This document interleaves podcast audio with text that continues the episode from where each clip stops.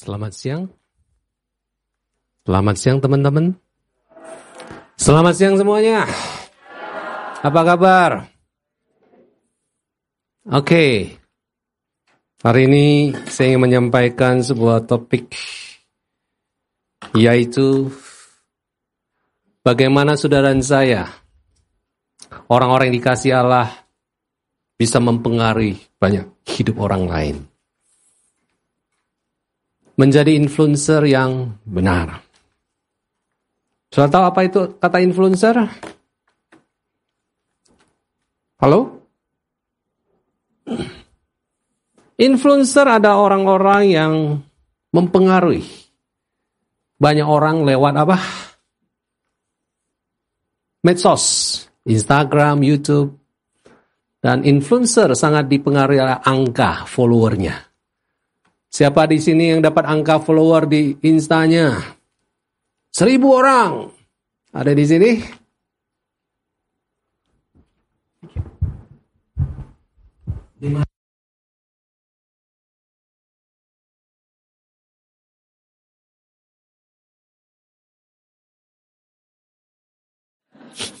Mungkin itu maksudnya begitu ya. Oke, nama saya Sumarno Kosasi dipanggil Acang dan bukan Kacang dan bukan Bakcang. Oke, ah, sudah lama nggak ketemu saudara. Sudah lama sekali tiga tahun saya nggak berbicara di depan saudara. Dan hari ini kalau saya berbicara di depan saudara, ada yang sudah besar. Ya, dari SD kelas 6, 3 tahun udah SMP 2. Dan perjalanan itu saudara masih panjang masih panjang. Ya. Usia saudara mungkin sekitar belasan, dua puluhan, atau tiga puluhan. Tapi pokok ini sangat penting. Mengapa pokok ini sangat penting? Kebenaran ini sangat penting. Karena itu akan mempengaruhi arah hidup saudara. Yesus berkata bahwa kita adalah garam dunia. Baca Matius 5, 13, 1, 2, 3. Kamu adalah garam dunia. Jika garam itu menjadi tawar, dengan apakah ia diasinkan? Tidak ada lagi gunanya selain dibuang dan diinjak orang. Mengapa Yesus memakai sebuah materi yang disebut garam? Garam tidak terlalu terlihat, tidak terlalu menarik. Para influencer mempengaruhi banyak orang lewat kemampuan dia bicara, kemampuan dia syuting kamera, kemampuan dia gerak-gerik untuk mempengaruhi orang dengan tema yang heboh. Dan dia jual produk dengan pengaruh mukanya, gerak-geriknya. Tetapi saudara, engkau sekalipun tidak menarik, Yesus sekalipun hadir di dunia ini, tetapi Yesus ada influencer terbesar dalam sejarah hidup manusia. Dia nggak jual Alkitab, dia nggak bawa hukum Taurat, dia nggak bagikan brosur, tapi dia bagikan nyawanya. Dia bagikan apa? Nyawanya, hidupnya. Kita sebagai influencer, sebagai garam dunia, yang kita bagikan adalah hidup kita. Katakan hidup saya. Sudah mau jadi influencer yang benar? Garam tidak terlihat, tapi garam sangat mempengaruhi. Garam tujuannya adalah untuk mencegah pembusukan salah satu. Fungsinya dunia sedang busuk dengan banyak hal. Dunia sedang busuk dengan dosa. Dunia sedang busuk dengan animasi-animasi yang membuat orang terikat ada seorang ibu tadi pagi datang dan ibunya terik anaknya usia di bawah SMP, ya terikat anime. Apa itu anime? Saya coba cek di internet. Dulu saya tahunya Nemo. Zaman saya Nemo.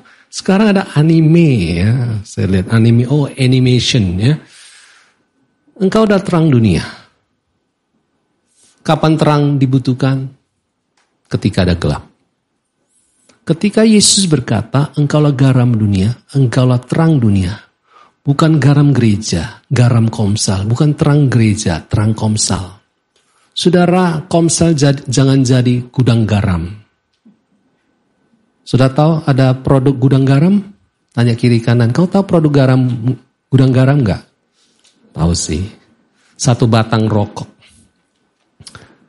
Hari ini kita mengerti bahwa kalau Yesus mau kita menjadi muridnya, dia mau kita punya influence, punya pengaruh di mana sudah berada, di sekolah, di kampus, di dunia kerja.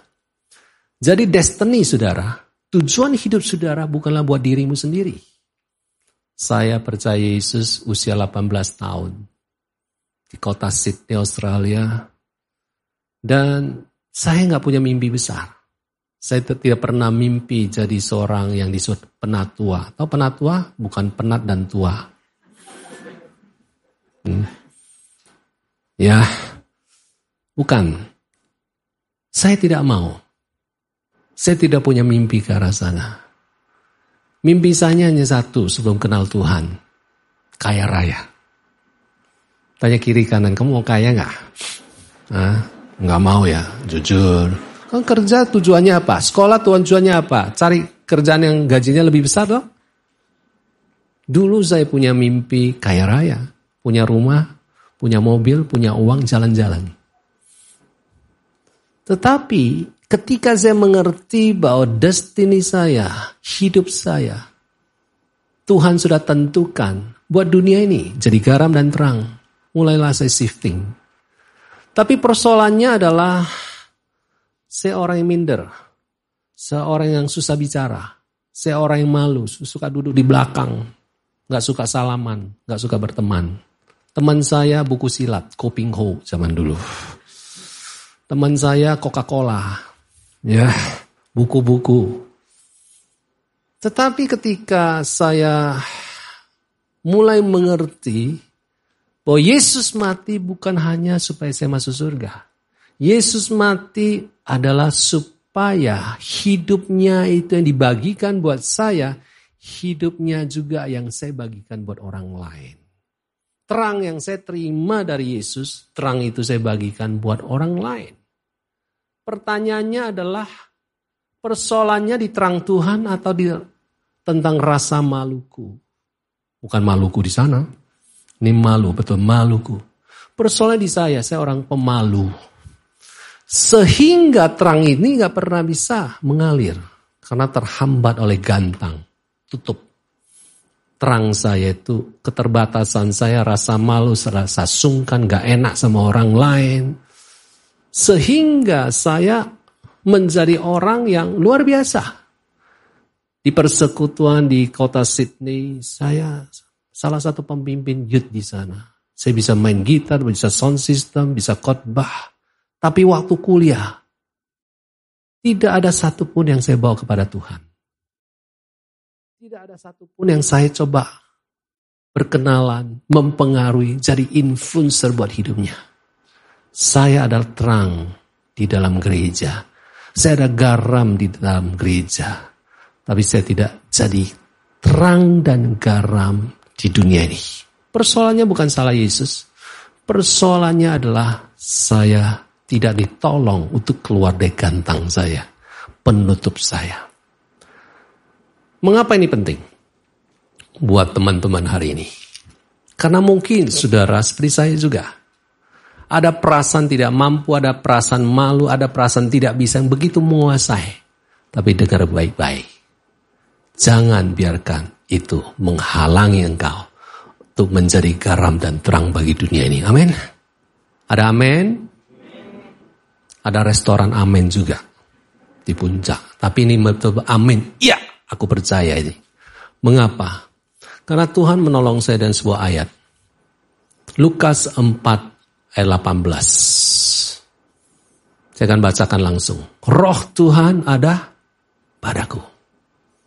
Bolehkah kita baca sama-sama? Lukas 4 ayat 18. 1, 2, 3. Roh Tuhan ada padaku oleh sebab ia telah mengurapi aku untuk menyampaikan kabar baik kepada orang-orang miskin dan ia telah mengutus aku untuk memberitakan pembebasan kepada orang-orang tawanan dan penglihatan bagi orang-orang buta untuk membebaskan orang-orang tertindas untuk memberitakan tahun rahmat telah datang. Yesus berkata, roh Tuhan ada padanya. Dia mengutip sebuah ayat di dalam Yesaya pasal 61, ayat 1 mulai ketika dia diberikan sebuah kitab. Dan itu tidak kebetulan. Gulungan kitab yang diberikan kepada Yesus di sebuah sinagog di kota Nazaret tempat dia dilahirkan dan dibesarkan adalah sebuah kitab Yesaya dan dia buka di tengah-tengah Yesaya 61. Dan dia proklamasikan. Dia menyatakan roh Tuhan ada padaku Saudara, apa yang terjadi kalau Yesus punya roh Tuhan padanya? Yang terjadi adalah oleh sebab tandanya ia telah mengurapi aku. Apa itu urapan Tuhan? Urapan Tuhan bukan getar-getar di tangan, terimalah urapan Tuhan. Bukan. Urapan Tuhan bukan sekedar bahasa roh. Urapan Tuhan bukan segera lakukan ABC. Urapan Tuhan diberikan kepada saudara lewat roh kudus adalah mengasihi manusia. Mengasihi siapa? Manusia. Fokus pada manusia. Saya bukan orang yang fokus pada manusia. Saya lebih tertarik laptop daripada ngurusin orang. Dulu. Komputer saya lebih senang kerja proyek daripada ngurusin tukang. Saya lebih senang rumah terbangun dengan baik daripada ngobrol sama tukang. Tapi saya belajar satu hal. Roh Tuhan ada pada Yesus. Dia melayani manusia. Dia menyampaikan kabar baik kepada orang miskin. Orang miskin manusia atau tidak? Manusia. Dia apalagi dia mengutus, dia diutus untuk memberitakan pembebasan kepada orang tawanan. Manusia bukan, manusia. Hari ini, ketika engkau mau sukses, belajarlah satu hal. Kasihlah Tuhan Allahmu dan kasihlah sesamamu manusia. Siapa di sini suka anjing? Suka anjing? Nggak punya anjing di rumah? Punya? Ya, suka anjing? Suka ya, lucu. Dan engkau tidak bisa kepahitan sama anjing. Ada di sini, aku kepahitan, terluka sama anjing saya. Dia menggonggong sembarangan di tengah malam. Enggak. Sudah jauh lebih mudah mengasihi anjing daripada mengasihi manusia. Ada amin? sudah nggak setuju? Ya sudah anjing selalu bisa apa ya dilatih. Betul saudara? Anjing bisa dikasih kerangkeng di mulutnya, dirantai. Manusia nggak bisa dirantai, di kerangkeng mulutnya. Betul? Tapi Yesus tidak mati buat anjingmu. Yesus tidak mati buat binatang. Yesus mati buat manusia. Ketika saya mengerti prinsip ini, apa pun yang saya lakukan, apakah betul ujungnya mengasihi manusia atau ujungnya ada mengasihi saya? Roh Tuhan ada padamu. Amin. Roh Tuhan mengurapi saudara. Amin. Roh Tuhan menolong saudara untuk melihat manusia supaya manusia dimerdekakan, manusia dibebaskan, manusia menerima rahmat Tuhan keselamatan. Influencer yang benar fokusnya adalah mengasihi manusia. Influencer yang tidak benar adalah mengasihi diri sendiri. Mengasihi income yang bertambah. Mengasihi produk. Hari ini sudah mau jadi influencer yang benar? Halo? Sudah mau jadi influencer yang benar? Kasihlah siapa? Manusia. Siapa dia? Lihat di rumahmu, ada manusia atau tidak? Halo? Ada manusia di situ, ada ayahmu, ibumu, ada adikmu, kakakmu. Saudara dengar baik-baik sekalipun engkau tidak sanggup mengasihi mereka. Engkau seperti saya, lebih sanggup mengasihi baca buku. Mengasihi buku, mengasihi tanaman, mengasihi binatang sekalipun. Dengar. Ketika engkau mengerti kebenaran nih, roh Tuhan ada padamu. Dia akan menyanggupkan engkau untuk mengasihi manusia. Fokuslah kepada manusia. Amin saudara. Amin saudara. Hari ini Saya ingin berkata, orang yang fokus kepada manusia, mencintai manusia, misinya sudah benar. Misinya sudah benar. Tapi orang yang sekedar mencintai kesuksesan, mencintai karir lebih daripada manusia, mencintai proyek lebih daripada manusia, kemungkinan dia akan jatuh. Kemungkinan dia akan mundur dari Tuhan. Hal yang kedua adalah ayat ini menolong saya untuk mulai meluruskan hidup saya kepada sebuah tujuan yang lebih jelas. Mengasihi manusia bukan ngomong saja. Mengasihi manusia harus ada tindakannya. Amin. Di sini ada tindakannya. Menyampaikan kabar baik. Saudara, kalau saudara ada di rumah, lebih banyak kabar baik yang sudah sampaikan atau kabar buruk. Kalau saudara ada di komsel, lebih banyak kabar baik atau kabar buruk? Memang ayat ini bicara tentang Injil, kabar baik. Tetapi prinsipnya sama. Kalau engkau mengasihi manusia, engkau harus menolong manusia yang tidak sesuai dengan standar, standar Allah naik. Minimal dia menerima sebuah kabar baik dalam mulut saudara. Mengapa? Karena kita kadang cenderung berkata-kata kabar buruk lebih daripada kabar baik. Berita yang kita baca tiap hari, lebih banyak berita baik atau berita buruk? Halo? Ridwan Kamil, anaknya belum ditemukan di sungai di Swiss, di Ben, Ben ya, Bern. Itu kabar buruk. Betul kabar buruk? Pesawat jatuh menewaskan 100 orang. Kabar baik atau kabar buruk? Seorang gadis diperkosa oleh tukang ojek. Kabar baik atau kabar buruk? Berita itu penuh dengan kabar buruk. Berita yang kita baca. Betul? Tanya kiri kanan, komselmu banyak kabar baik atau kabar buruk ya? Baik. Amin. Kalau sudah mengasihi manusia, saudara, di tengah-tengah kabar buruk, ceritakan kabar baik. Amin. Di tengah-tengah keputusasaan, cerita kabar baik. Mengapa? Kalau engkau mengerti tujuan hidupmu, misi hidupmu adalah mengasihi manusia dan memberitakan kabar baik, arahmu pasti benar. Arahmu pasti benar.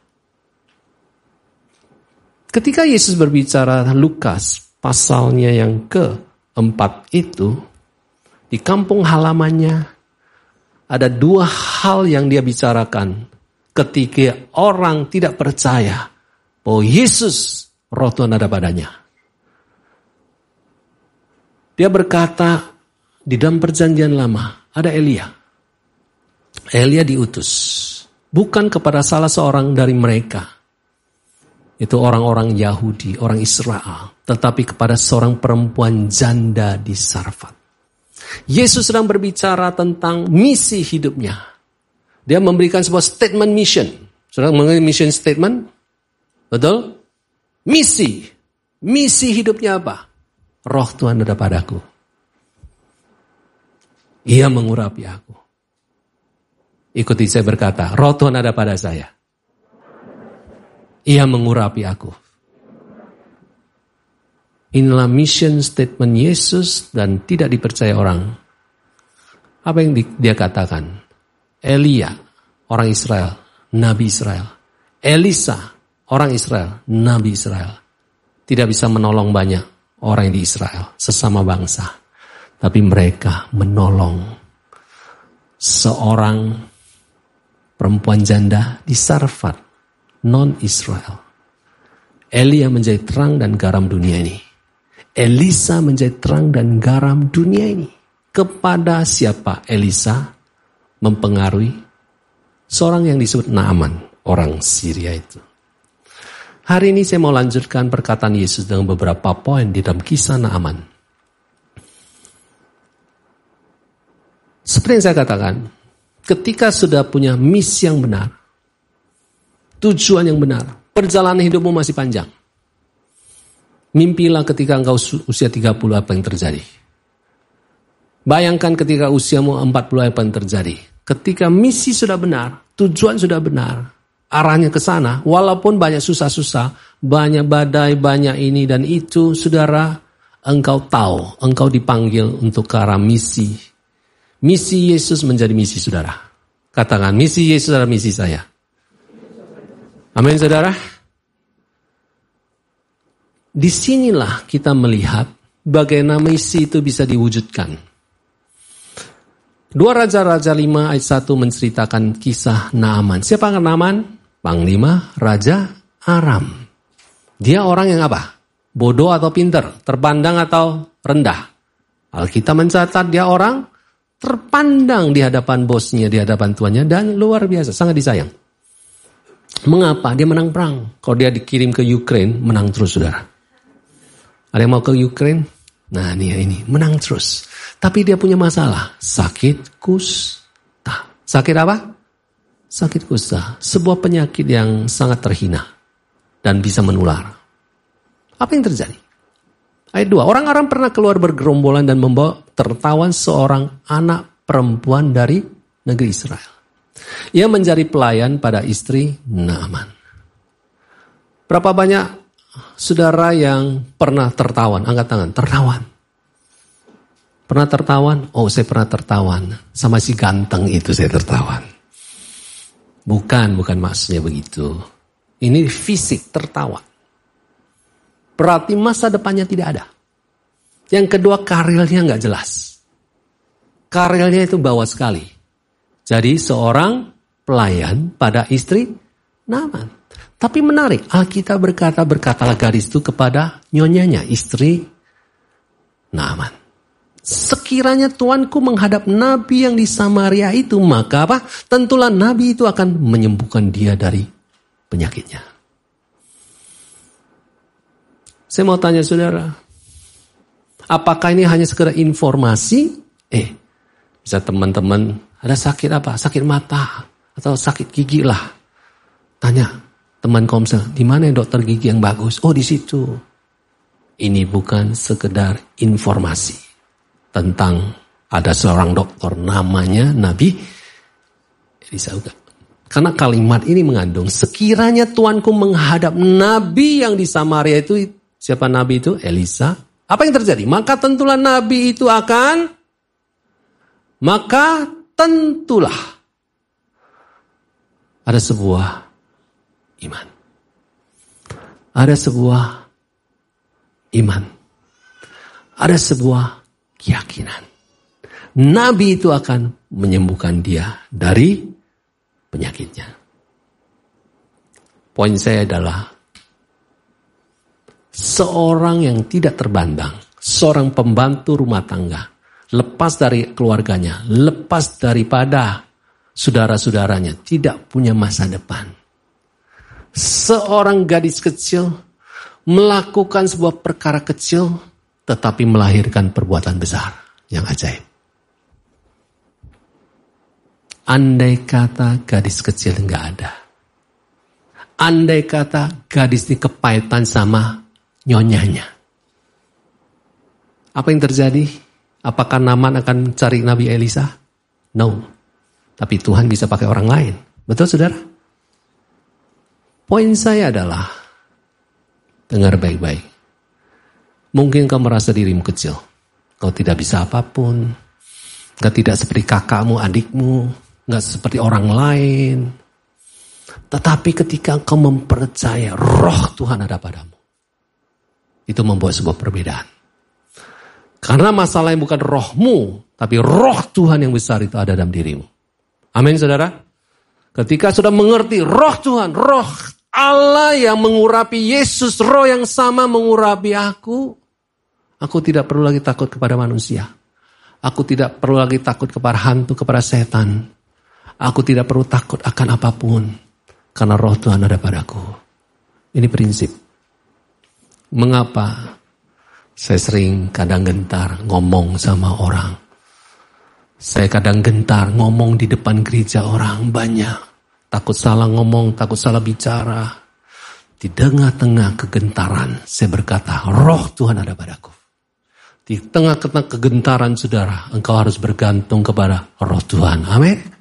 Engkau ucapkan firman itu, roh Tuhan ada padaku. Ia mengurapi aku. Ia memampukan aku, memberi kesanggupan kepada aku. Itu kata urapan, artinya seperti itu. Seorang gadis kecil, melakukan perkara kecil, dan mempercayai ada Allah Israel yang masih punya seorang nabi namanya Nabi Elisa.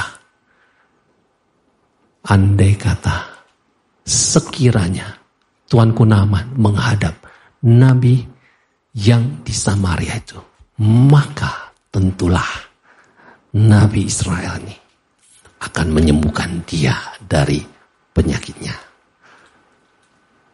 Apa yang terjadi? Yang terjadi adalah perkataan itu keluar. Dia menggenapi sebuah ayat. Tahun rahmat Tuhan sudah datang. Betul? Masih ingat khotbahnya Ferry, Kak Ferry? Tahun rahmat Tuhan apa? Sudah datang. Muda nggak? Anak kecil, gadis kecil, anak SMP mungkin. Tetapi dia punya pandangan yang besar.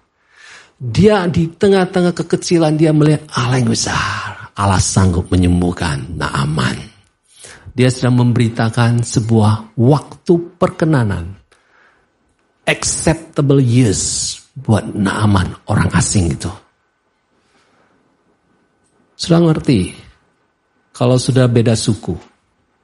Sudah mengerti di Indonesia ada rasis. Tahu rasis? Rasial. Tidak mudah punya majikan yang beda suku. Betul saudara? Nggak mudah.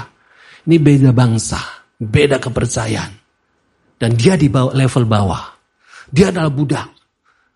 Tapi di tengah perbedaan dan tekanan apa pun bentuknya, anak kecil itu punya iman yang besar. Anak kecil itu punya harapan yang besar. Anak kecil itu mempercayai Allah yang besar masih bekerja. Sudah masih mempercayai Allah yang besar masih bekerja? Ketika engkau menghadapi situasi yang besar, imanmu kecil, engkau berkata, roh Tuhan ada padaku. Amin. Katakan sekali lagi bersama saya, roh Tuhan ada padaku. Roh Tuhan ada padaku.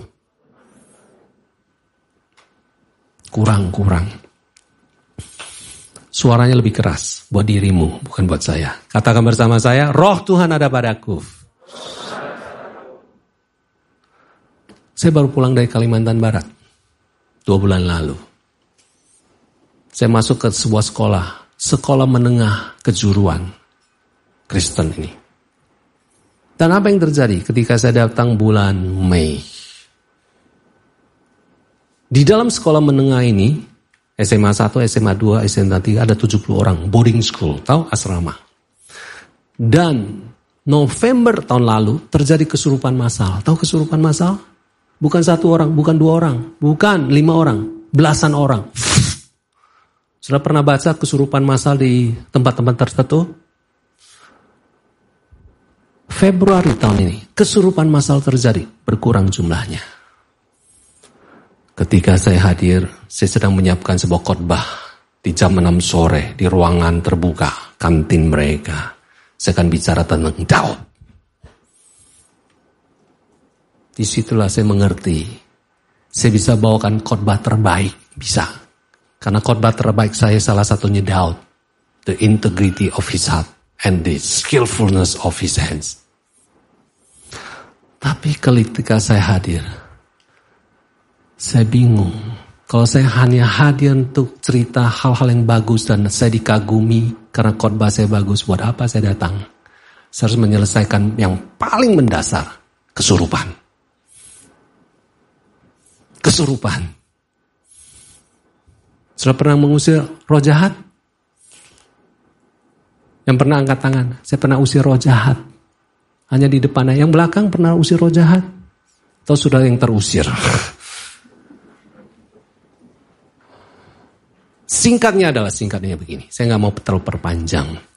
Singkatnya adalah ketika saya tanya siapa yang kesurupan, Februari maju ke depan. Maju nih. Maju. Maju. Dan apa yang terjadi? Saya tidak izinkan ketika maju mulai nangis. Uh, saya bilang jangan nangis, tenang, tenang, tenang. Karena saya butuh kebenaran firman Tuhan. Jauh lebih kuat daripada sekedar perasaan bekerja. Maju. Ya, kita mau pastikan setan tidak bekerja. Doain satu, satu, satu, satu.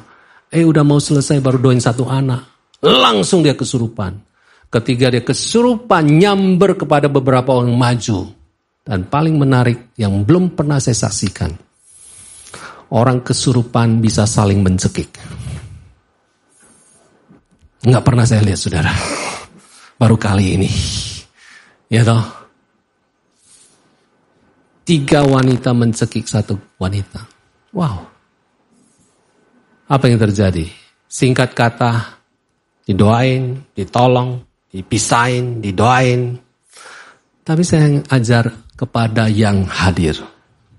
Sisanya sekitar 60 orang. Saya bilang begini. Kalau setelah saya kami pulang terjadi kesurupan, kalian yang doain. Siapa yang doain? Dan saya jelaskan. Lukas pasalnya yang ke empat. Saya berkata, roh Tuhan ada pada kalian. Jangan takut. Ketika engkau takut, engkau berkata roh Tuhan ada padaku, roh Tuhan mengurapi aku. Itu adalah sebuah keyakinan iman. Jangan takut kepada mereka yang kesurupan ini.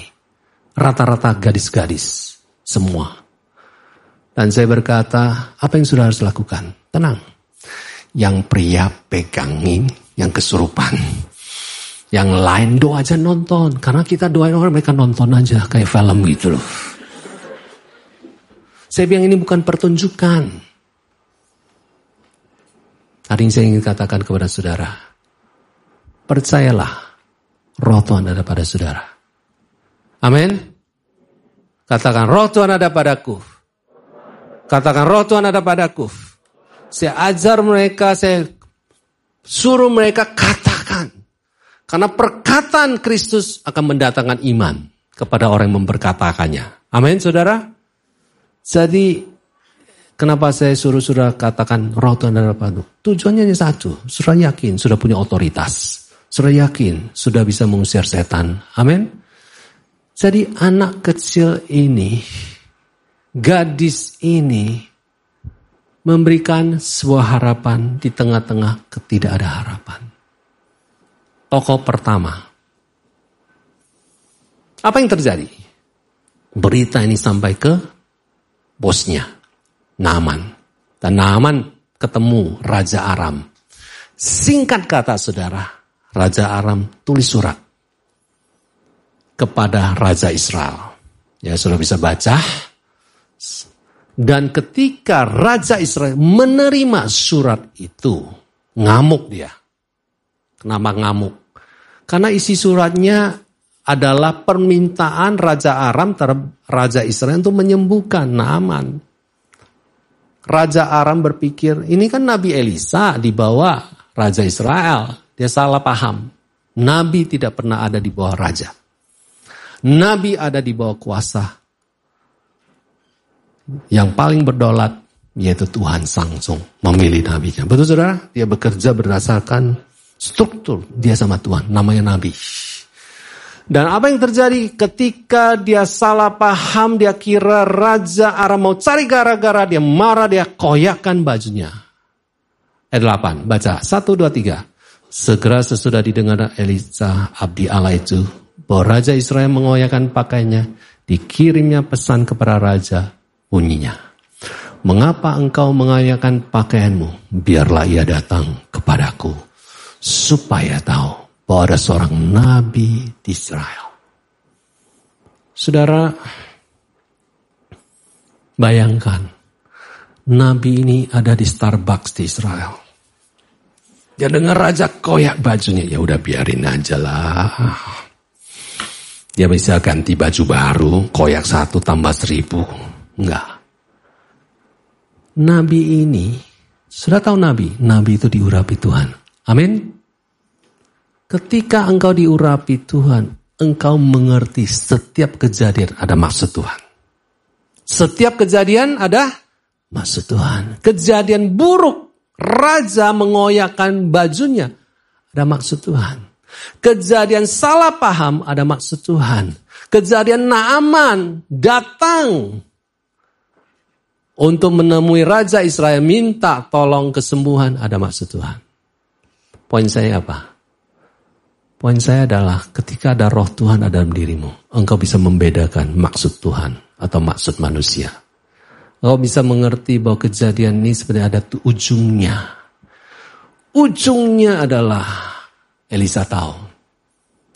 Naaman perlu kenal siapakah Allah yang hidup yang ada di Israel. Ujungnya dalam hidup saudara apa?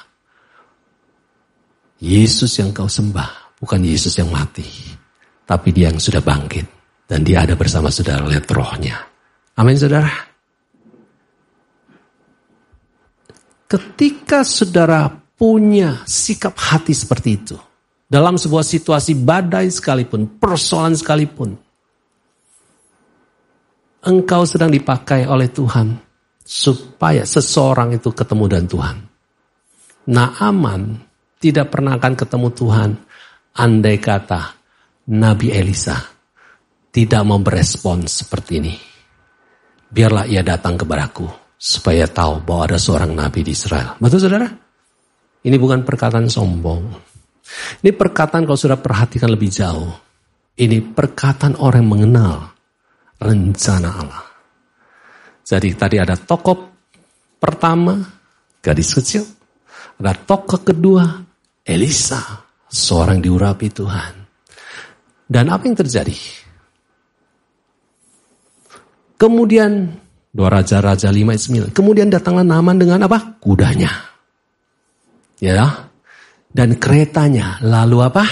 Berhenti di pintu rumah Elisa. Sudah bayangkan, ini orang hebat. Orang terpandang, menang perang.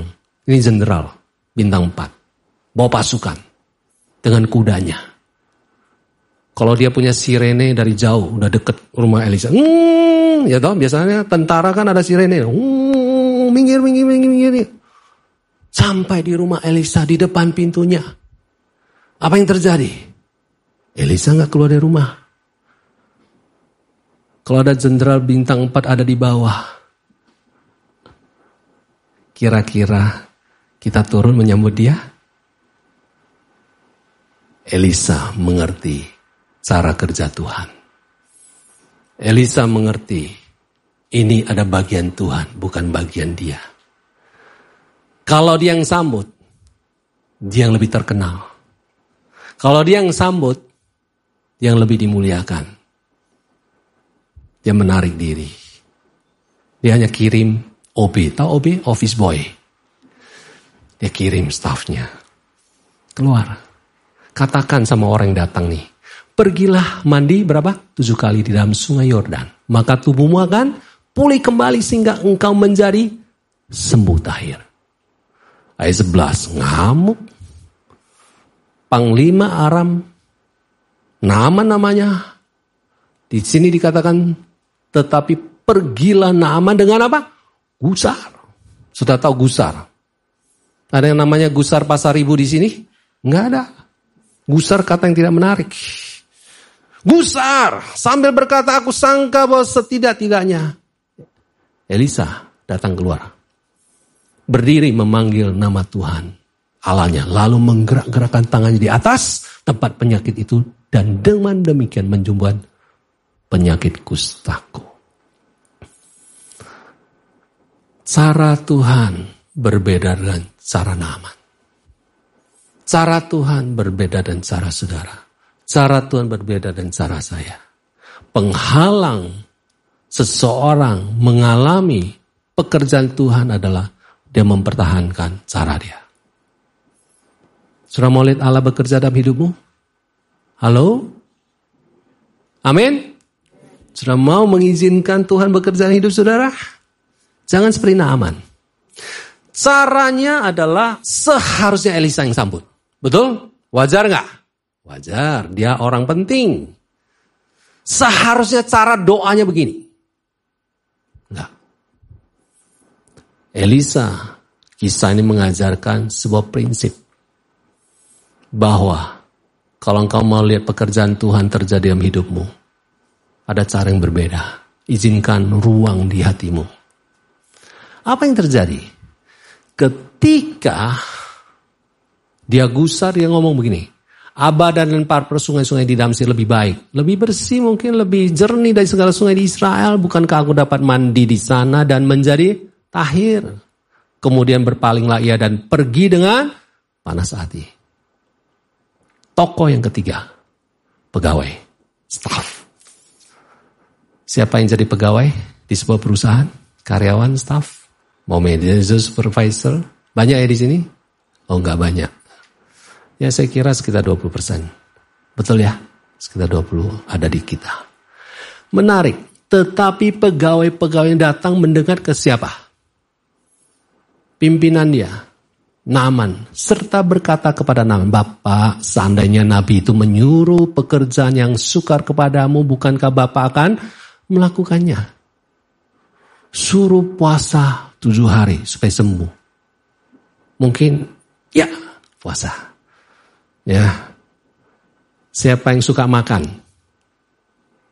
Kita semua suka makan. Tapi kalau untuk sembuh dari sakit penyakit suruh puasa tujuh hari, oke okay aja sih. Yang penting sembuh, betul? Tapi mereka bilang Bapak yang suka Bapak mau lakukan apalagi sekarang ya berkata kepadamu mandilah dan engkau akan menjadi apa? Tahir, gampang sekali.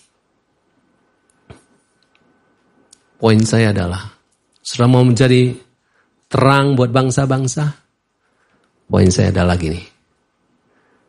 Pegawai, middle management, ya. Ketika pimpinan lagi marah, lagi bermasalah, mereka bisa memberi nasihat yang benar.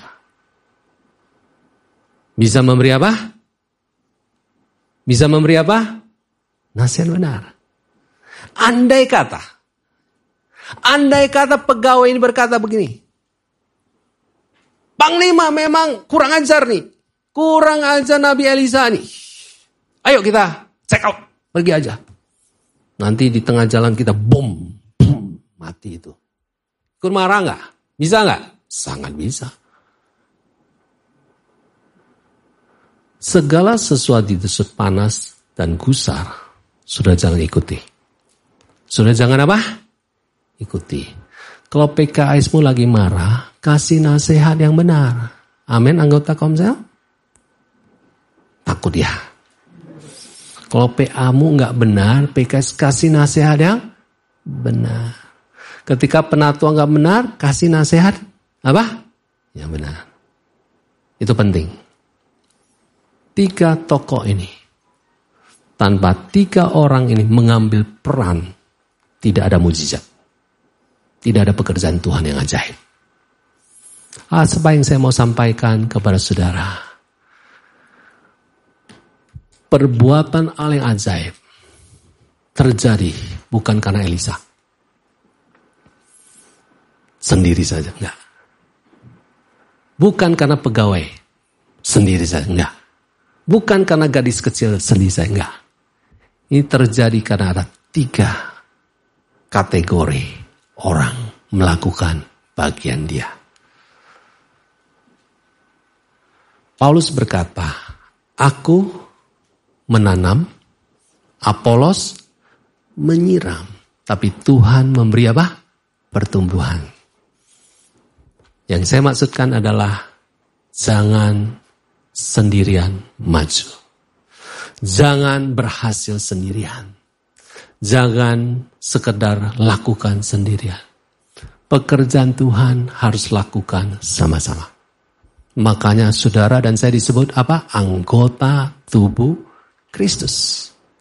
Jadi di tengah-tengah komsel saudara sudah lakukan sama-sama. Di tengah saudara mau menjangkau sekolah A, sekolah B, lakukan apa? Sama-sama. Setiap orang punya peran. Kecil, setengah kecil, setengah besar closing, terjadi mujizat. Engkau berkata, Tuhan aku bersyukur, aku mengambil bagian. Karena waktu itulah ketika mujizat terjadi. Naaman berkata, sekarang aku tahu bahwa di seluruh bumi tidak ada Allah kecuali di Israel. Karena itu terimalah kiranya suatu pemberian dari hambamu ini. Saudara, kali ini Elisa tampil. Bukan office boy-nya yang tampil. Dia maju. Dan dia lihat wajah Naaman. Tubuh Naaman sudah sembuh. Dan Naaman dengan ketulusannya ini terima ucapan terima kasihku. Apa yang terjadi? Ini luar biasa. Dua Raja-Raja 5.16. Tetapi Elisa menjawab, demi Tuhan yang hidup di hadapannya aku menjadi pelayan. Sesungguhnya aku tidak akan menerima apa-apa. Sesungguhnya aku tidak akan menerima apa? Apa-apa. Walaupun Naman mendesaknya. Tetapi ia tetap menolak. Mengapa? Karena ia tahu ini bukan bagian dia. Ini ada bagian kebersamaan. Dan lebih penting lagi bukan tangan dia melakukan mujizat, tapi tangan Tuhan.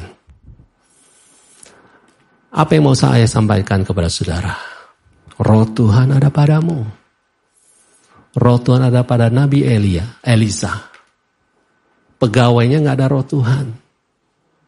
Tapi ada peran mereka.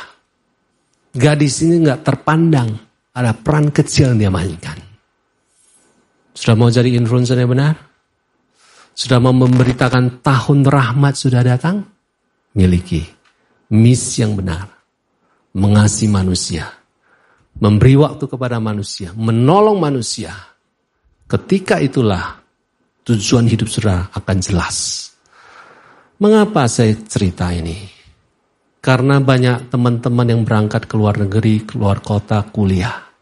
Karena dia nggak punya misi yang benar apa yang terjadi? Asik kuliah di luar kota, asik kuliah di luar negeri. Dan ternyata lupa bahwa dalam hidupnya ada misi Tuhan. Mengapa orang-orang gak mau pulang? Mengapa orang-orang senang dengan namanya kenyamanan? Mereka tidak mempunyai dari awal hidup mereka tidak jelas tujuan hidup saya buat apa. Ketika saudara punya misi yang benar, di sekolah, engkau bukan hanya sekadar sekolah. Engkau punya misi di sekolah. Roh Tuhan ada bersamamu di sekolah. Jangan bilang begini, roh Tuhan luar biasa bekerja lagi komsel. Lagi komsel, lagi pemuritan. Wow, roh Tuhan terlihat nyata. Tapi roh Tuhan ketika aku ada di sekolah itu tengah-tengah orang asing ini. Ternyata kok enggak ada enggak ada terjadi sesuatu. Ya enggak terjadi sesuatu karena engkau tidak jelas. Seperti saya dulu tidak jelas. Tidak ada dampak sama sekali hidup saya terhadap kampus saya. Walaupun saya luar biasa kelihatan di depan orang Kristen. Mengapa saya membatasi Tuhan? Roh Tuhan bukan bekerja, bukan masuk bekerja ketika kita ada di komsel. Eh roh Tuhan keluar lagi ketika kita ada di kuliah, di sekolah, di kerjaan. Karena roh Tuhan tidak pernah in the cost dalam tubuh saudara. Betul saudara? Tahu in the cost, keluar masuk. Cost di sini enak, nggak enak pindah, nggak. Tuhan nggak pernah pindah. Hari ini, apakah engkau mempercayai roh Tuhan ada padamu? Apakah engkau mempercayai roh Tuhan mengurapi engkau? Gadis itu mempercayai bahwa dia mengenal Allah yang benar. Nabi Elisa mempercayai ada urapan Tuhan. Apa yang terjadi? Ketika mereka menceritakan harapan, mereka memperkenalkan Allah yang benar, memberi nasihat yang benar, perbuatan Allah yang ajaib terjadi. Itulah sebabnya saya percaya setiap saudara akan melihat perkara ajaib yang akan terjadi dalam hidupmu di masa sekolahmu, di masa kuliahmu, di masa engkau kerja sekalipun. Perbuatan yang ajaib pasti terjadi. Mengapa? Karena dalam dirimu ada roh Tuhan. Haleluya. Jangan menunggu semua beres baru melangkah. Jangan menunggu semuanya oke okay, baru mau dipakai Tuhan. Baca sama-sama 2 Korintus 1 ayat 21. 2 Korintus 1 ayat 21, 1, 2, 3. Sebab dia telah meneguhkan kami bersama-sama dan kamu di dalam Kristus adalah Allah yang telah apa? Mengurapi saudara. Has anointed us jadi Paulus meletakkan sebuah dasar di mana orang harus percaya Yesus di jemaat Korintus. Dia berkata, Allah telah meneguhkan kami. Tapi dia meneguhkan kamu juga dalam Kristus bahwa Allah telah bukan akan. He has anointed us. Saudara hari ini engkau harus percaya. Engkau punya otoritas. Engkau ada influencer yang benar engkau punya urapan yang benar. Mari kita siapkan hati kita buat perjamuan kita. Bapak hari ini kami datang kepadamu. Kami melihat ada roh Tuhan bekerja dalam hidup kami. Kami mau membuang semua ketakutan, kekhawatiran, masa depan apa pun bentuknya. Kami mau memiliki misi yang benar. Hatimu, misimu menjadi misi kami. Silakan dibagikan.